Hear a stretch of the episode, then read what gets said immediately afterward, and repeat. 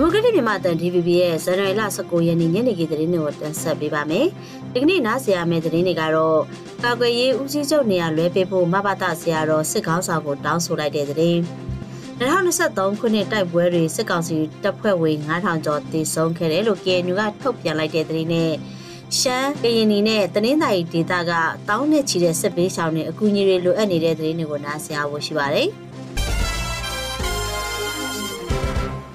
ဝကြမှုကြီးပြောင်းလည်းအနေနဲ့ကာကွယ်ရေးဦးစီးချုပ်ရာထူးကိုဒုတိယဗိုလ်မှူးကြီးစိုးဝင်းထံလွှဲပြီးအရက်ဖက်ဝင်ကြီးချုပ်ဖြစ်တာဝန်ယူဖို့တက်ထောက်ခံတဲ့မဘာသာဆရာတော်ပောက်ကိုတော်ကတောင်းဆိုလိုက်ပါတယ်။ပြည်တွင်မြို့မှာဒီဇင်ဘာလ16ရက်နေ့မနေ့ပြုလုပ်တဲ့ MNDAA စန့်ကျင်ကန့်ကွက်တဲ့ပွဲမှာတောင်းဆိုလိုက်တာဖြစ်ပြီးလက်ရှိတက်ချုပ်ဟာဖျားတရားကြည်ညိုပြီးအမြဲပြုံးရွှင်နေသူဖြစ်လို့အရက်ဖက်ဝင်ကြီးချုပ်နဲ့ပိုလိုက်ဖက်ကျောင်းနဲ့ဒုချုပ်စိုးဝင်းရဲ့မျက်နှာနဲ့လောက်ပုံကိုင်ပုံကဆက်သားပြီးသားလို့ တက်ကြုတ်ရာတူပေးဖို့တိုက်တွန်းပြောသွားတာပါတနိုင်းမိုင်းရှူကိုဟိုင်းအစရှိတဲ့မြို့နယ်တွေမှာမြို့သားရေးဆရာတော်တွေမြို့သားရေးလှုပ်ရှားမှုတွေနဲ့တက်ထောက်ခံသူတွေဆန္ဒပြပြီးစစ်ရှုံမြို့တွေကိုပြန်လည်တိုက်ခတ်သိမ်းပိုက်ပေးဖို့တောင်းဆိုခဲ့ကြပါတယ်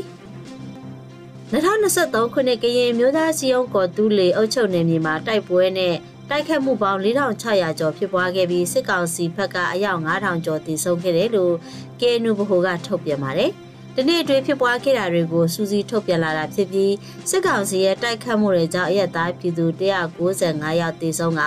661ယောက်ထိခိုက်ဒဏ်ရာရှိခဲ့တယ်လို့198ယောက်ဖမ်းဆီးခံထားရတယ်လို့လည်းဆိုပါတယ်။ ကော်တူလေအုပ်ချုပ်နေမြေတွေကိုဝင်ရောက်ကျူးကျော်တက်ဆွဲထားတဲ့စစ်ကောင်စီတပ်တွေနဲ့ကရင်မျိုးသားလွတ်မြောက်ရေးတပ်မတော် KNL ကရင်မျိုးသားကာကွယ်ရေးတပ်ဖွဲ့ KNDO တို့ဥဆောင်မှုအောက်မှာတော်လှန်ရေးပူးပေါင်းတပ်ဖွဲ့တွေကြားစခန်းသိမ်းတိုက်ပွဲ၊ရေးဆိုင်တိုက်ပွဲ၊ပျောက်ကြားတိုက်ပွဲစတဲ့တိုက်ပွဲကြီးတိုက်ပွဲငယ်တွေနဲ့ဒရုန်းစစ်စေးရေးစုစုပေါင်း4623ကြိမ်ထပ်မံဖြစ်ပွားခဲ့တယ်လို့ထုတ်ပြန်ထားပါတယ်။ ဒီတိုက်ပွဲတွေအတွင်းစစ်ကောင်စီဘက်ကအရာရှိရာခံပါဝင်တပ်သားစုစုပေါင်း9005ယောက်သေဆုံးခဲ့ပြီး3345ဦးထိခိုက်ဒဏ်ရာရှိခဲ့တယ်လို့ဆိုပါတယ်။ပြီးတော့ KNL KNDO နဲ့တော်လိုင်းပူပေါင်းတပ်ဖွဲ့ဘက်ကတော့154ယောက်ကြာဆုံးခဲ့ပြီး998ယောက်ထိခိုက်ဒဏ်ရာရှိခဲ့တယ်လို့ဆိုရတယ်ရှင်။ကချင်ပြည်နယ်ဖားကတ်မြို့နယ်ဝေခါကျေးရွာမှာဇန်နဝါရီလ18ရက်နေ့ညပိုင်းက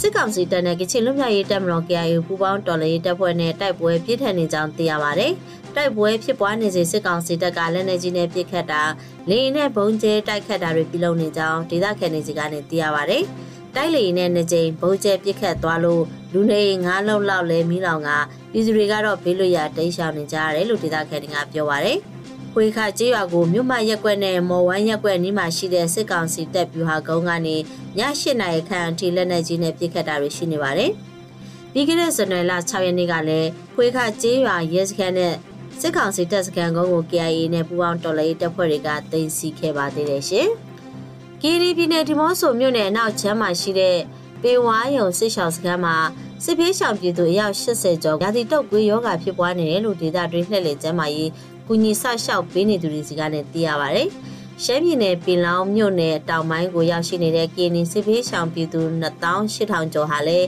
အလောက်ကိုင်ရှားပါမှုနဲ့အလူရှင်နေပါမှုတွေကြောင့်စားဝတ်နေရေးအခက်အခဲတွေကြုံတွေ့နေရတယ်လို့စစ်ရှောင်အရေးကူညီပေးနေသူတွေစီကနေသိရပါဗျ။စစ်ရှောင်တွေဟာအရင်ကအလူရှင်ထောက်ပံ့မှုရခဲ့ပေမဲ့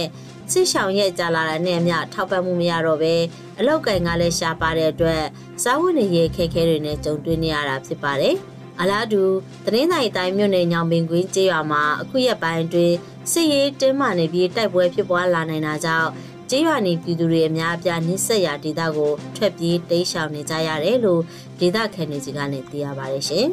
။မလေးရှားနိုင်ငံမလကာပြည်နယ်နဲ့ဂျိုဟိုးပြည်နယ်တို့မှာတရားမဝင်လော့လော့ကနေတဲ့မြန်မာနိုင်ငံသား15ဦးအပါအဝင်102ဦးကိုဇန်နဝါရီလ18ရက်နေ့က